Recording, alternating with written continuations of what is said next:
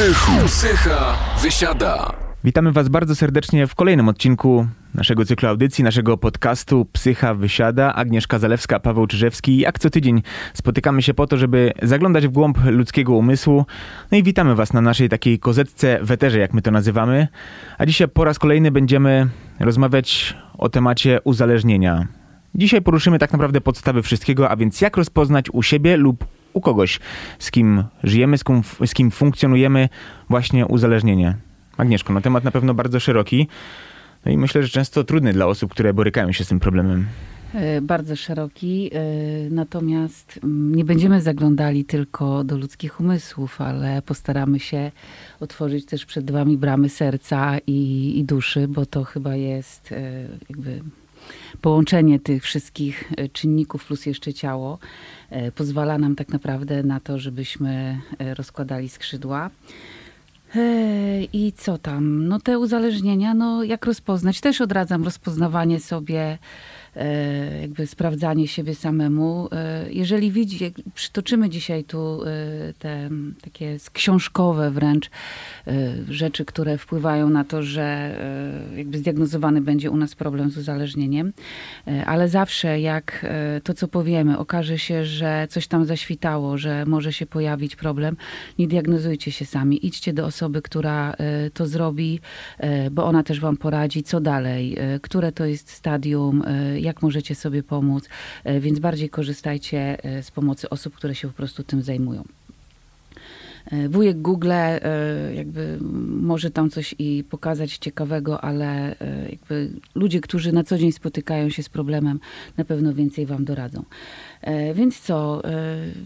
Ja myślę, że warto zacząć od takich właśnie, może na początek książkowych e, definicji, choć nietypowo takich e, specjalistycznych, naukowych, ale tak, żeby naszym słuchaczom jednak przybliżyć, czym są w ogóle objawy uzależnienia. Jest ich siedem i tak naprawdę myślę, że, że jak ktoś chociaż, tak jak już wspomniałaś, ten jeden u siebie odnajdzie, gdzieś coś zaświta, no to już wtedy warto zastanowić się nad tym, czy jednak ten problem jest, czy, czy jednak choroba się gdzieś rozwija, no i wa- czy warto sięgnąć już, już po tę pomoc. No właśnie, to może zacznijmy od wymienienia tych, tych wszystkich objawów. E, Jakby są dwa rodzaje w ogóle takiego problemu z, e, z, będziemy mówili o alkoholu, ale to tak naprawdę dotyczy e, czy te czynniki diagnozujące e, wszystkich substancji, bo te czynniki diagnozujące tak naprawdę są bardzo zbliżone.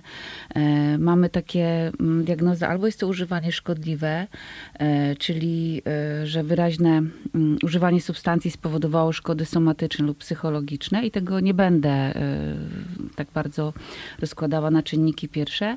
No i drugie mamy zdiagnozowanie zespołu uzależnienia. Mm, I to jakby to spożywanie musi trwać e, w określonym czasie, e, przez co najmniej miesiąc i potwierdzające się w okresie 12 miesięcy, więc myślę, jak ktoś jest po 30, e, to tak e, pewnie się już mogłoby ten czas e, odnaleźć. Myślę, nawet że zdecydowanie. wieku.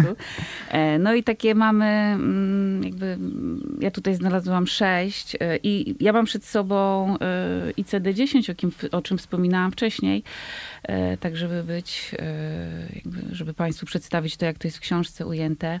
E, No na pewno pierwszym to jest silne pragnienie poczucia przymusu i przyjmowania substancji. E, Paweł, jak ty to odbierasz? No ja może powiem najlepiej chyba na swoim przykładzie, bo, bo jak można przeczytać w opisie mm, naszego podcastu, naszego cyklu audycji, e, jestem osobą uzależnioną. W 2019 roku mm, podjąłem się terapii odwykowej. E, U mnie ten problem dotyczył i alkoholu, i narkotyków. No i, i tak, ja w czasie mojego czynnego zażywania Mm, Używając słowa zażywanie, mam tu na myśli wszystkie substancje, które e, zmieniały mój stan świadomości. No to odczuwanie tej silnej potrzeby zażywania było przeogromne. Dla mnie to tak naprawdę był, mm, był priorytet. Y, Nieważne co robiłem gdzieś tam w głowie, mm, pojawiała się ta myśl, kiedy już będzie można zażyć. A jak robiłem wszelkie rzeczy, czy to była praca, czy to czas wolny, czy, czy różne czynności, no to już gdzieś w głowie zawsze pojawiało się, kiedy będę mógł na przykład już się napić, kiedy będę mógł y, zażyć i No i ja tak naprawdę od, od, od, może nie od początku, ale dość wcześnie wiedziałem, że ten problem jest, bo hmm, ludzie, którzy nie są uzależnieni, nie, nie mieli takich myśli. Nie myśleli o tym, kiedy już będzie można hmm, wypić, kiedy będzie można zażyć. Ja takie myśli miałem non-stop i, tą potrzebę e, odczuwałem. Ja nie miałem czegoś takiego na przykład, że jak ktoś mi zaproponował, to ja powiedziałem, nie, nie mam ochoty. Jeżeli gdzieś ktoś z moich bliskich jakby wymusił trochę na mnie to, żeby nie pić, no to oczywiście ja byłem w stanie to zrobić, no ale nie miało to nic wspólnego z komfortem psychicznym. Kiedy ja nie piłem, to się nie czułem, można tak powiedzieć. A kiedy, kiedy już ta substancja pojawiła się w moim organizmie, no to, no to było dużo lepiej i dopiero wtedy czułem ulgę i ta silna potrzeba została zaspokojona, dopiero kiedy substancja pojawiła się w moim organizmie. E, to ja też tutaj dopowiem, e, bo ostatnio słuchałam sobie też naszej pierwszej części e, podcastu. I tam aż tak nie wybrzmiało to z mojej strony, że jakby oprócz tego, że jestem psychoterapeutą, to w moim życiu używki też grały dużą rolę i też jakby wcześniej zaczęłam eksperymentować z nimi, e, podobnie jak Paweł e, z wieloma i, i to nie był tylko alkohol. E, natomiast no ja po jakimś czasie zauważyłam, że to jest tak naprawdę moje lekarstwo na jakieś traumy. Traumy przez duże T, traumy przez małe T i jakby podczas zażywania też nie byłam w ogóle świadoma tego, że w taki sposób pomagam sobie funkcjonować w odcięciu trudnych emocji i uczuć, które gdzieś właśnie wypływały z tych doświadczeń z dzieciństwa, z różnego rodzaju rodzaju traum, e, więc my bardzo często właśnie używamy tych używek e, do tego, żeby te e, uczucia gdzieś tam w sobie schować, nie doświadczać ich. Mamy taką tendencję i jak też opowiadam o tym, że rozpoczęłam rozwój, to nie rozpoczęłam tego rozwoju dlatego, że uznałam, że potrzebuję więcej od siebie wyciągnąć zasobów, tylko dlatego, że moje życie stało się bardzo trudne. Przez unikanie tych trudnych uczuć, emocji e, stało się to e, takim taką codziennością, że e, było ciężko i stany depresyjne się pojawiały i właśnie takie wspieranie siebie używkami, żeby to wszystko odciąć. Więc jakby rozmawiamy tutaj z Pawłem zarówno, zarówno jako osoby, które gdzieś doświadczały tego życia z używkami i wiedzą, jakie szkody to niesie, ale też chyba osób, które e, gdzieś e, jakby w pewnym momencie swojego życia uznały, że warto spróbować e, tej jasnej strony mocy. Uwielbiam to sformułowanie i tak naprawdę mamy dzisiaj porównanie, która strona mocy jest lepsza i nie dlatego, że wyczytaliśmy to w książkach, ale dlatego, że tego doświadczyliśmy. Wracam do tego silnego pragnienia lub poczucia przymusu przyjmowania substancji. E, jakby my wielokrotnie w ogóle nie mamy zielonego pojęcia o tym, że e, takie e, jakby że to jest coś, co jest e, efektem już takiego problemu z żywkami, e, dlatego że e, działa mechanizm oczywiście iluzji i zaprzeczeń, działa tutaj mechanizm regulacji emocji i uczuć, który tak naprawdę przed chwilą opisałam na swoim przykładzie. I to silne pragnienie i poczucie przymusu przyjmowania substancji jest takie, no jakby, że myślimy o tym, że sobie właśnie wieczorem spuścimy trochę stresu, bo przecież było intensywnie i mocno, E, więc wchodzi ta używka e, i przestajemy zauważać, że e, jakby to pragnienie tak bardzo w nas mieszka. Na pewno wiele osób słuchających nas miało na przykład taką myśl, że dobra, dzisiaj już nie będę się wyluzowywał drinkiem, ale okazało się, że w pracy było trudno, więc pojawił się ten, taka potrzeba tego przyjmowania. My często nie wiemy, co to znaczy słowo silne, bo doświadczając czegoś długo, jest to dla nas takim trochę standardem i i to silne przestaje e, tutaj mieć takie mocne znaczenie. Natomiast w terapii uzależnień tutaj w tym przypadku mm, jakby obserwuje się siebie i się uczy tak naprawdę. E, są tutaj e, działania takie, które, gdzie się pracuje z głodem, z wyzwalaczami mm, i te to są bardzo duże zakresy działań, e, te jakby rozpoznawanie głodu, e, jakie to są uczucia, jakie to są myśli, jak nasze ciało pokazuje, w jakich sytuacjach pojawia się ten głód. E, to jest tak naprawdę duża część terapii, więc dlatego właśnie mówię, żeby zwracać się do osób, które mają doświadczenie, bo to silne pragnienie nie zawsze jesteśmy w stanie tak naprawdę wyłapać. Drugim takim, takim czynnikiem, gdzie diagnozujemy diagnozujemy to jest upośledzona zdolność e, kontroli e, nad zachowaniem związanym właśnie z przyjmowaniem substancji. E, takie tutaj wchodzi nam, że na przykład jak idziemy na imprezkę, to mówimy sobie, że tylko jeden browarek, a potem się okazuje, że nie wiemy jak wróciliśmy do domu, bo się urwał filmik i wjechał jeszcze jakiś może taps niechcący po drodze, więc to jest takie, że planuję, a potem się okazuje, że nie byłem w stanie tego utrzymać. Albo planuję na przykład jakiś tam okres abstynencji e, i okazuje się, że również nie jestem w stanie go utrzymać. E, albo planuję dzisiaj, że dzisiaj nie piję, bo e, mam z dzieckiem wieczór, ale się okazuje, że na przykład, a co tam przecież to tylko jeden kieliszek wina.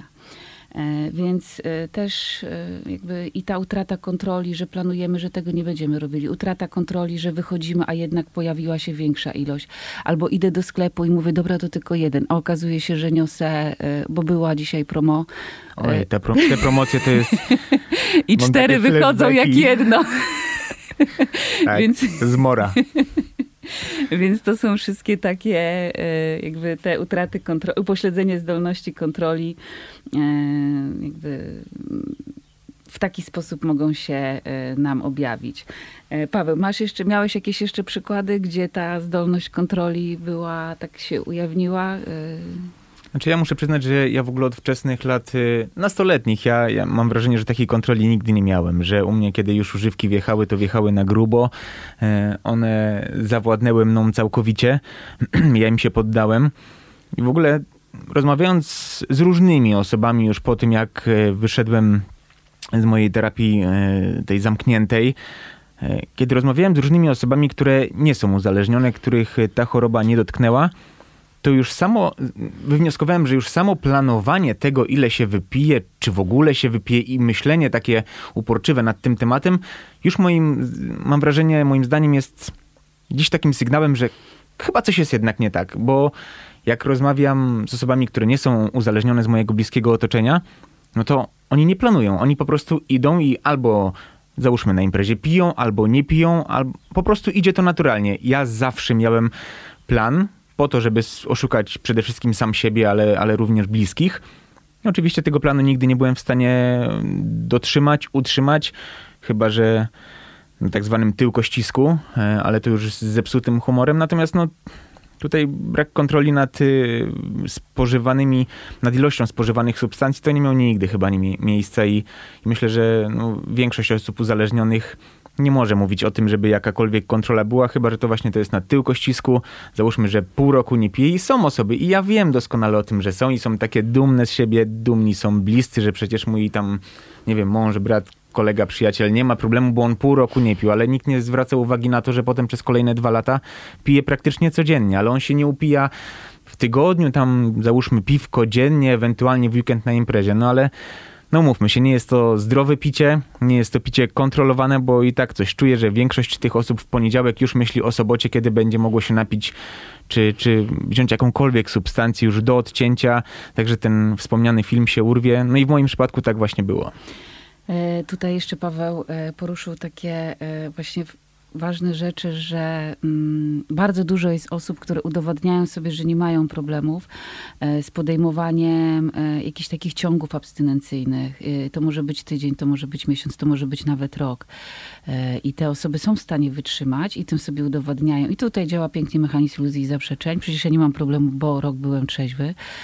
Tylko później właśnie ten taki ciąg, który się zaczyna, jest tak destrukcyjny, że jest w zasadzie nieprzerwany, ale no przecież ja nie mam problemu, bo sobie udowodniłem, że mogę długo wytrzymać bez.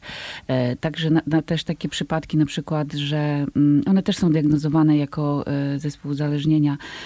Cały tydzień jestem trzeźwy, a w piątek odpinam i, i na przykład e, walczę do niedzieli, e, od rana do nocy, od nocy do rana. E, w poniedziałek idę do pracy, no i przecież jakby mam rodzinę, utrzymuję ją, ja tylko w weekendy się odcinam i to trwa ileś tam lat.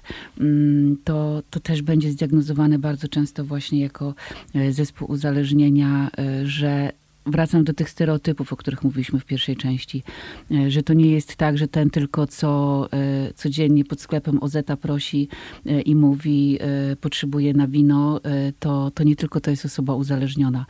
Takich osób w społeczeństwie mamy zdecydowanie więcej, które normalnie funkcjonują i które chodzą do pracy, pracują, ale cały tydzień w pracy ich często jest jakby w, wokół tego planowania na weekend, co zrobię, gdzie pójdę, na jaką imprezę. E, I to też takie jest trochę życie wokół używki. E, I to też będzie takie silne pragnienie, które e, ten cały tydzień myślenia o używce, to jest po prostu głód. E, więc tak to e, wygląda. Mm, kolejną rzeczą to jest e, fizjologiczne objawy stanu abstynencyjnego. No i jak ktoś sobie tutaj wymyśli, że stan abstynencyjny to są na przykład drgawki albo delirium, albo jakby mm, takie, że się ląduje w szpitalu i lecą kroplówki, czyli tak zwany detoks, no to drodzy Państwo nie, bo taki alkoholowy zespół abstynencyjny i tutaj tak, e, żebyście dobitnie wiedzieli, jakie tutaj wchodzą rzeczy. Ja e, jakby, mm, mm, przeczytam wam wręcz to z książki, bo to jest drżenie języka, powiek i wyciągniętych rąk.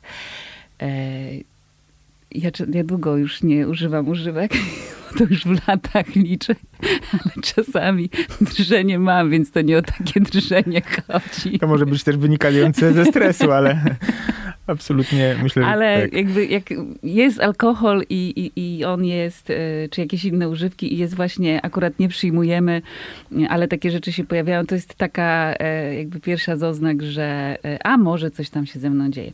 Pocenie się, Mdłości, nudności i wymioty to mm, no jak się czasami kacyk pojawia, to, to pewnie na drugi dzień, zanim się zatankuje, to, to takie rzeczy mogą się pojawić.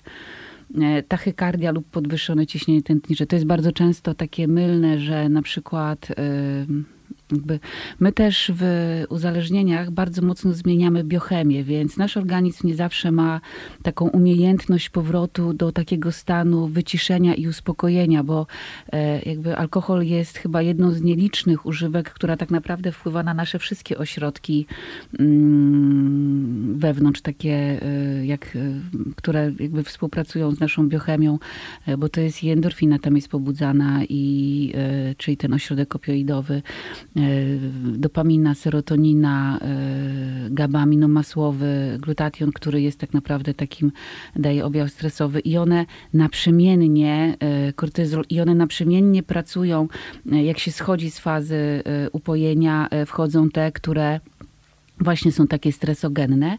E, I to nie zawsze to, że e, odczuwamy e, podwyższone ciśnienie tętnicze jest na przykład objawem stresu. Bardzo często to też może się właśnie wydarzyć przy spożywaniu alkoholu. E, no, pobudzenia psychoruchowe, e, jakby takie kacykowe gadanie głupot, e, bezsenność, bóle głowy.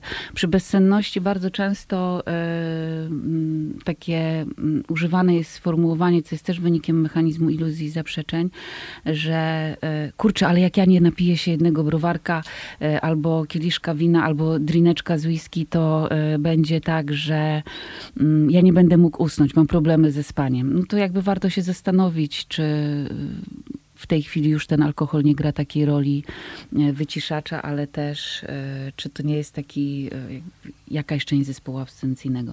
Złe samopoczucie lub osłabienie. No i tutaj już mamy takie przemijające omamy, iluzje wzrokowe, dotykowe lub słuchowe, napady drgawkowe. To taki już jest jakby zaawansowane często stadia choroby uzależnieniowej e, i też na to warto zwrócić uwagę. Więc e, zespół abstynencyjny, tak jak wcześniej powiedziałam, to nie jest tylko takie e, jakieś rzeczy, które naprawdę trudne się dzieją z nami. Przy używkach zawsze przy długotrwałym stosowaniu czy codziennym, czy z jakimiś tam okresami e, kilkudniowymi przerw, e, będą pojawiały się lęki, stany depresyjne. Zawsze, no jakby często, na pewno często. E, I na to też warto zwrócić uwagę, jakie jest moje samopoczucie, co też wiele osób nie ma do tego dostępu, bo u nas jest duże przyzwolenie na spożywanie wśród młodzieży. Takie hasło, co tam będziesz pił w bramie z chłopakami, napij się ze mną w domu. i, i rodzic jako autorytet pozwala na to, kupuje też alkohol, to też o takich rzeczach słyszę. Więc ten młody organizm tak naprawdę zmienia już swoją biochemię. O tym też mówiłam w poprzedniej części. No i teraz mm, jakby jeżeli się pojawiają jakieś stany na przykład obniżonej samooceny, stany lękowe, to ten młody organizm w wieku tam dwudziestu paru lat nie rozumie, jak to jest nie mieć tego, bo on wcześniej zaczął tą biochemię swoją zmieniać, więc w wieku tam 30 paru lat dla niego to jest stan całkowicie normalny. Ale drodzy Państwo, stan, gdzie pojawiają się lęki, stan, gdzie pojawiają się stany depresyjne, stan, gdzie pojawia się, że ja nie mam siły e, realizować swoich marzeń, swoich ambicji, e, sięga, wyznaczać sobie cele, e, celów, realizować ich, to nie jest stan normalny. My jesteśmy tutaj po to, żeby być radośni, spokojni wewnętrznie, żeby dobrze spać. E, to jest, e, żeby obdarzać drugą osobę mm, miłością, budować relacje. Po to tutaj na tym świecie myślę, że jesteśmy. I wszelkie rzeczy, które jakby wychodzą poza normy, właśnie głęboki smutek, stany depresyjne, mm, jakby brak akceptacji siebie, to są rzeczy, które, z którymi powinno się pracować i te objawy właśnie negatywne e, bardzo często daje spożywanie używek, więc zwróćcie też na to u siebie uwagę, e, bo nawet no, nie mo możecie nie mieć stwierdzonego zespołu e, uzależnienia, ale może się okazać też, że wasz stan psychiczny e, jest e, jakby taki no nie za dobry, tak, że macie właśnie dużo tych stanów takich e, czy lękowych, czy, czy stanów depresyjnych.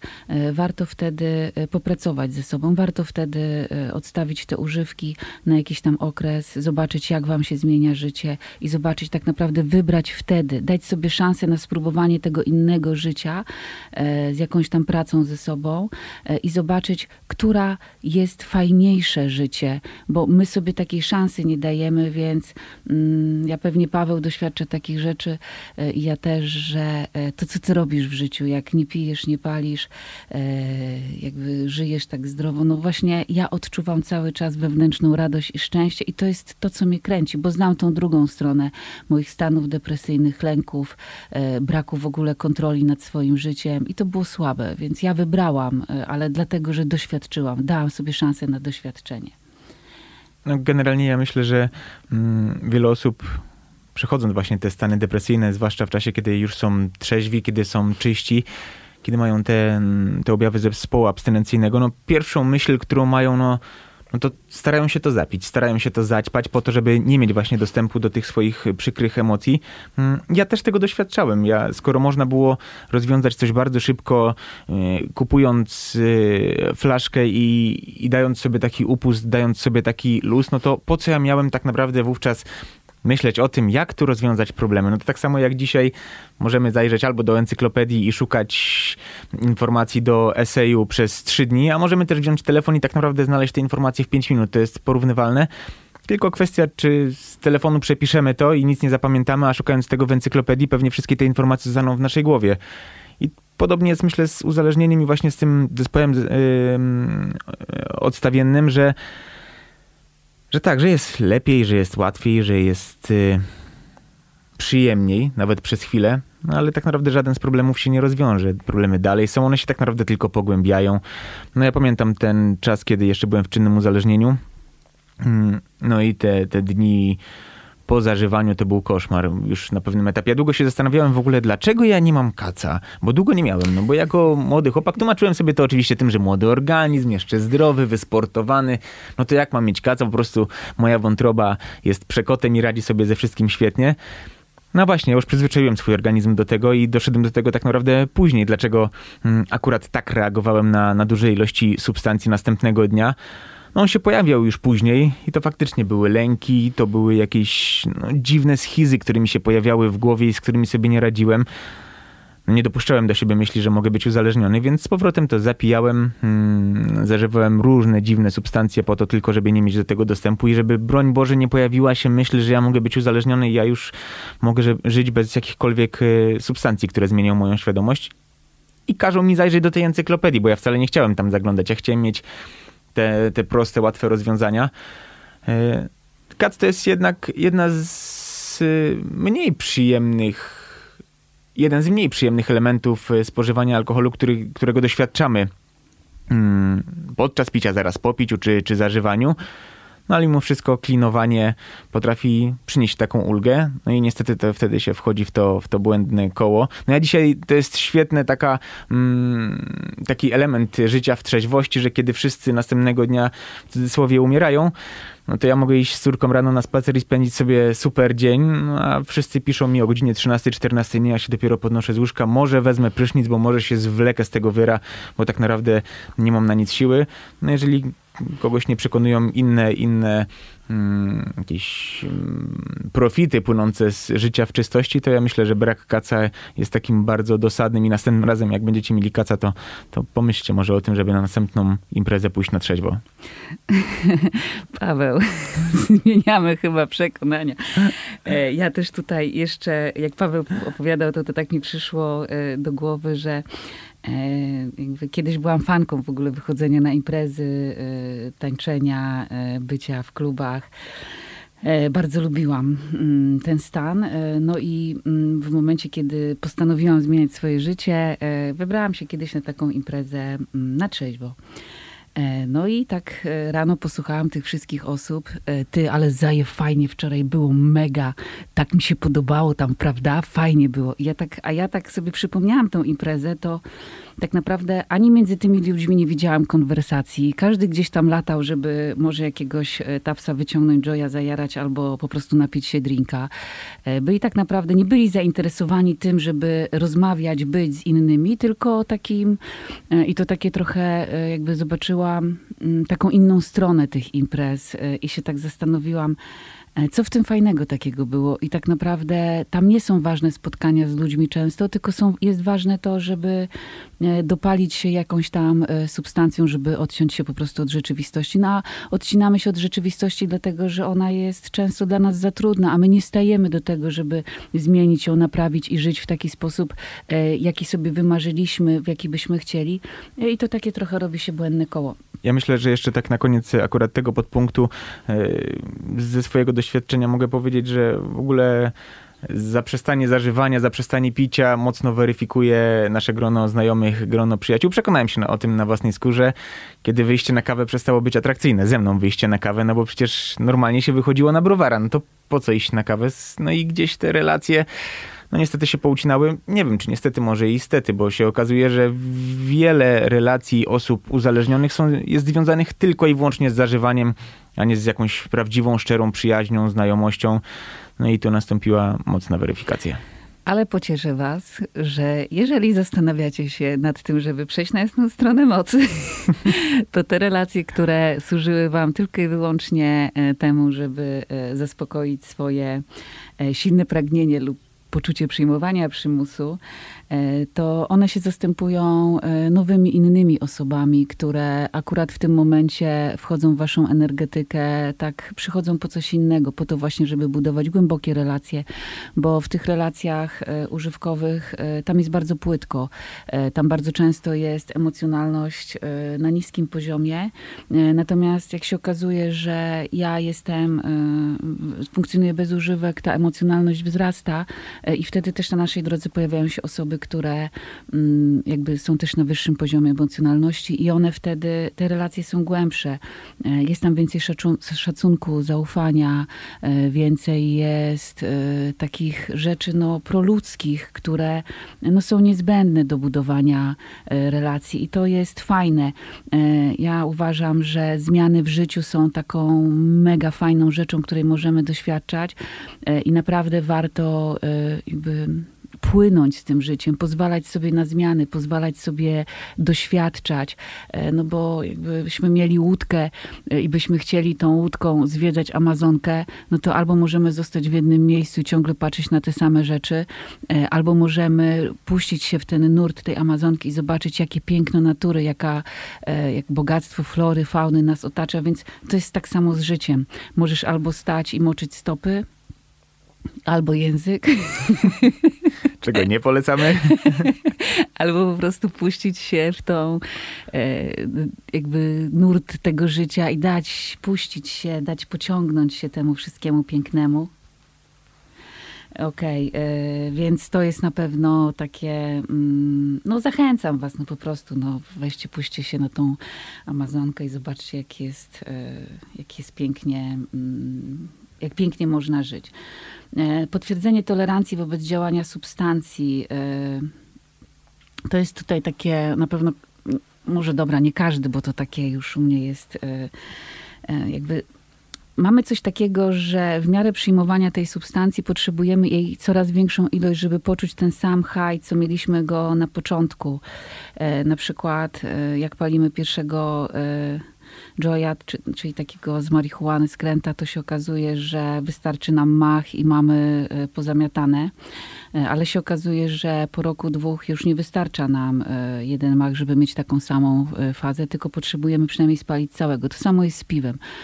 Jak pijemy pierwszego, pierwsze piwo albo pierwszy kieliszek wina, fajnie jak to jest kieliszek, a nie butelka, to e, okazuje się, że niewielka ilość jest nam potrzebna do tego, żebyśmy właśnie weszli w jakąś taką estetyczną e, fazę, e, a potem okazuje się, że z biegiem lat jest tej ilości coraz więcej. I później znowu następuje takie odwrócenie, że jak już jesteśmy długo w czynnym uzależnieniu, to jakby wraca to, że niewiele nam tej substancji potrzeba do tego, żeby znowu mieć ten high, więc to takie jest trochę naprzemienne. Na, na pewno od pierwszej fazy, jak potrzebujemy coraz więcej tej substancji, to trochę musi minąć e, czasu, zanim okazuje się, że e, jakby w następnym etapie potrzebujemy tej substancji e, jakąś tam mniejszą ilość. E, więc to jest takie, też się tutaj bada, czy ta jakby spożywanie, jak zaczynałem, jest wyższe e, niż to, co teraz spożywam. E, bardzo często jest tak, że się zaczyna gdzieś od butelki dwóch piwa dziennie, a potem się okazuje, że po dwóch, trzech latach jestem na sześciu, ośmiu i tak naprawdę nie jestem w stanie się tym dobić do takiej fazy, żebym odleciał. No i tutaj to stwierdzenie, które mnie już teraz przyprawia gęsią skórkę, że ten to jest super, bo ma mocną głowę. Jak to słyszę, to... To tylko tolerancja, drodzy Państwo. Tak, dokładnie. To znaczy, że on po prostu Wypracowane. od wielu lat, mówiąc wprost i nie zakłamując rzeczywistości. I gdzieś może się pojawić problem z alkoholem, już pomijając oczywiście kwestie związane z fizjologią, czyli masą ciała i tak dalej, i tak dalej, ewentualnie wysportowaniem, ale ale tak, to się, to się bardzo zmienia. Ja, e, wiadomo, jak każdy zaczynałem dziś od, od piwa, dwóch, a, a pamiętam już taki, taki mm, moment, kiedy przykładowo do, mm, do meczu w środku tygodnia kupowałem sobie oficjalnie przed wówczas moją narzeczoną, tak żeby było wszystko dobrze, dobrze wyglądało, dwa, trzy piwa. No ale co chwilę latałem po coś do sklepu, bo to jogurtu brakowało, to mąki. Okazywało się, że wieczór kończyłem z sześcioma piwami z pół litra wódki, więc i byłem cały czas w podobnym stanie. Ona widziała, że coś się zmienia, ale, ale to już była taka tolerancja na alkohol, że już nawet przekładając to na portfel, zamiast wydać 7,50 wydawałem prawie 40 zł na taki wieczór. A cały czas wyglądałem tak samo. I odradzam też kobietom i mężczyznom porównywanie się, dlatego że e, ich gospodarka hormonalna i też budowa ciała całkowicie inaczej e, reagują na e, używki. E, i to też e, na pewno nie ma wspólnego, e, więc też na to taka była kiedyś laska w Indiana Jonesie, co przepijała wszystkich facetów. Ona miała zaje fajnie, zaje dużą tolerancję wybudowaną. Więc to jest też taki jeden z elementów. Silne pochłonięcie sprawą przyjmowania substancji to tutaj takie zaczynamy jakby trochę targetować się na inny sposób życia. E, że okazuje się, że na przykład mieliśmy jakieś pasje w życiu, było coś dla nas ważnego, e, czy to uprawianie sportu mm, i okazuje się, że na przykład zamienianie sportu zamieniamy na e, dalej pasję do sportu, tylko z browarkiem na kanapie na, oglądając mecz.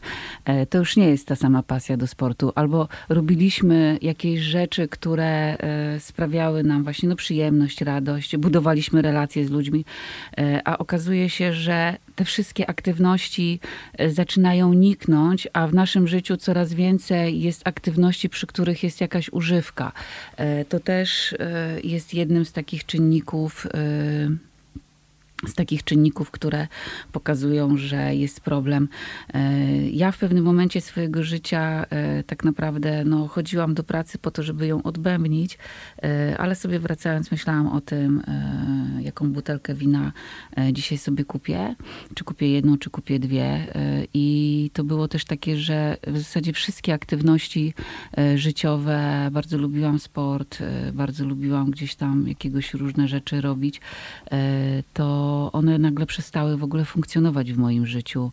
Mm, wszystko zaczęło tak naprawdę kręcić się wokół używek i te pasje, które też się pojawiały, mm, one były to takie aktywności, które mogłam powiązać właśnie e, z jakimiś e, używkami. I to było takie, potem się okazało po wielu latach, że tak z mojego życia e, to tak naprawdę niewiele fajnych rzeczy zostało, ale pocieszam jak się nagle zaczyna budować życie na nowo, to jest to mega fajne, bo e, jakby tych aktywności można odkryć tak dużo. Tak, mam dzisiaj dostęp do wszystkiego e, łatwy, że to jest naprawdę fantastyczne.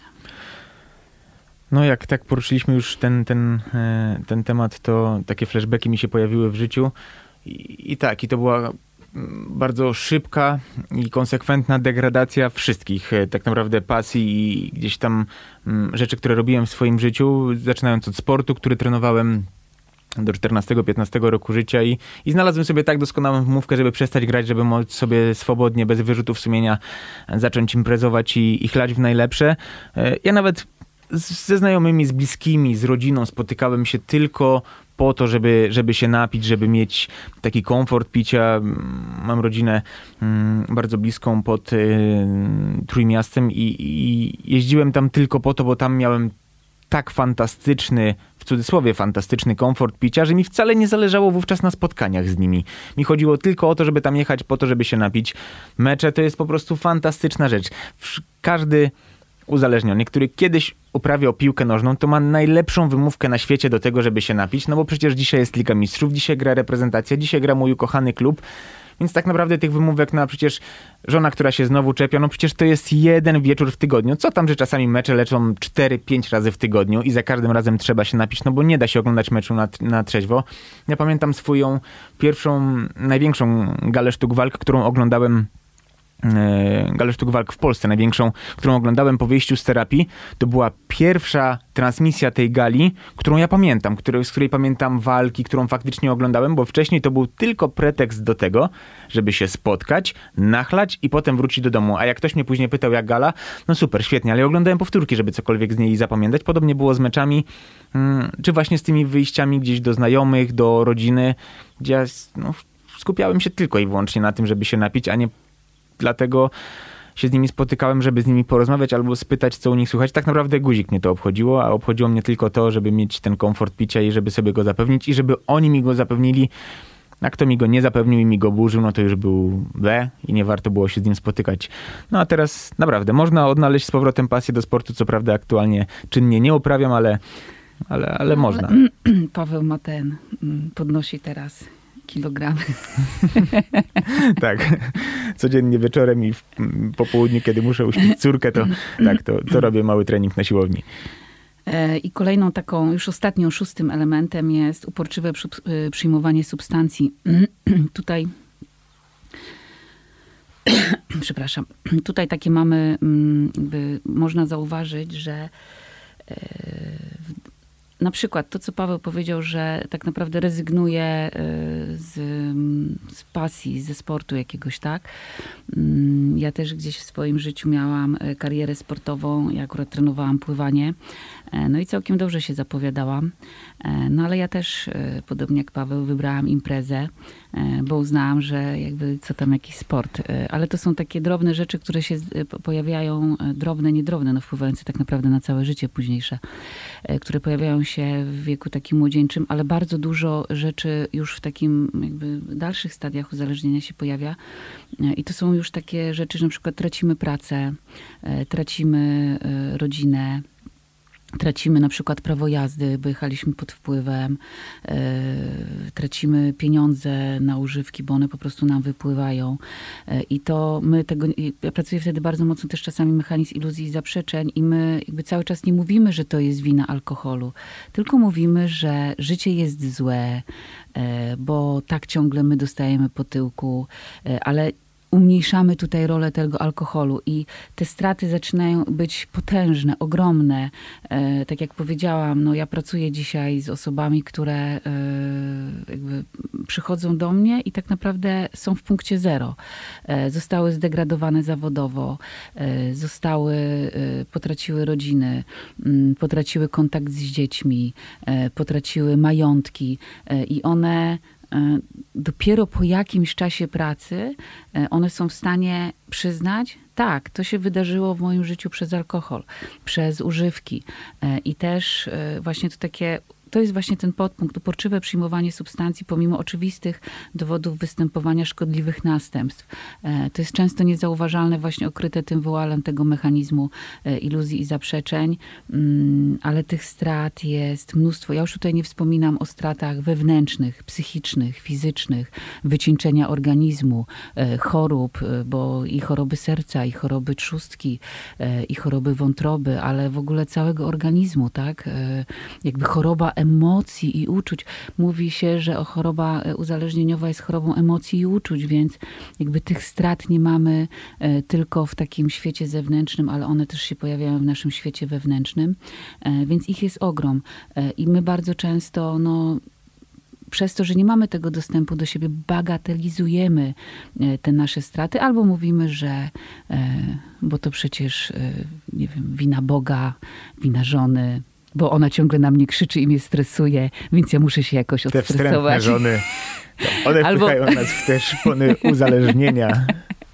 Albo wina męża, bo przecież on jest tak wymagający i ciągle stoi mi nad głową. Albo wina e, szefa. Jakby zawsze oddalamy tą winę e, od tego naszego czynnika, który tak naprawdę jest głównym prowokatorem e, zmian w naszym życiu. E, I to są tak naprawdę e, wszystkie te czynniki, czyli mamy ich sześć. I, I tutaj powiem Państwu taką jak sobie tutaj patrz, słuchaliście z nami, jak to wszystko wygląda, to wystarczą trzy, żeby zdiagnozować uzależnienie. E, Więc e, z sześciu trzy e, to tak was zostawiam z tymi przemyśleniami, ale nie diagnozujcie się na podstawie tego, co tu powiedzieliśmy sami. Jak uznajecie, że coś tutaj z wami współgrało, to po prostu zgłoście się do kogoś, kto jakby pomoże zrobić tą diagnozę. I to wcale nie jest złe. Pamiętaj, że dostając diagnozę, wcale nie musisz pójść na dalszą e, terapię, pracę ze sobą, ale masz informację tego, w jakim miejscu w swoim życiu jesteś. E, Co zrobisz z tą informacją? E, Mamy chyba najpiękniejszą rzecz, jaką mogliśmy dostać, wolną wolę i ty sam z niej skorzystasz, mówiąc, czy zostajesz w tym, co jesteś, bo cię to kręci, czy spróbujesz czegoś innego. Mm, Także no... Jasna strona mocy jest zaje fajna. Tak, oboma rękoma, nogami się pod tym podpisuję. Ja mam nadzieję, że podczas dzisiejszej naszej rozmowy zniszczyliśmy komfort picia czy ćpania chociaż jednej osobie. Jeżeli tak się stało, to myślę, że nasza misja została spełniona tak całkiem serio. Ja Nie myślę, chcemy też- niszczyć waszych żyć. Absolutnie, wręcz przeciwnie, my chcemy je naprawiać. My chcemy tylko niszczyć komfort picia.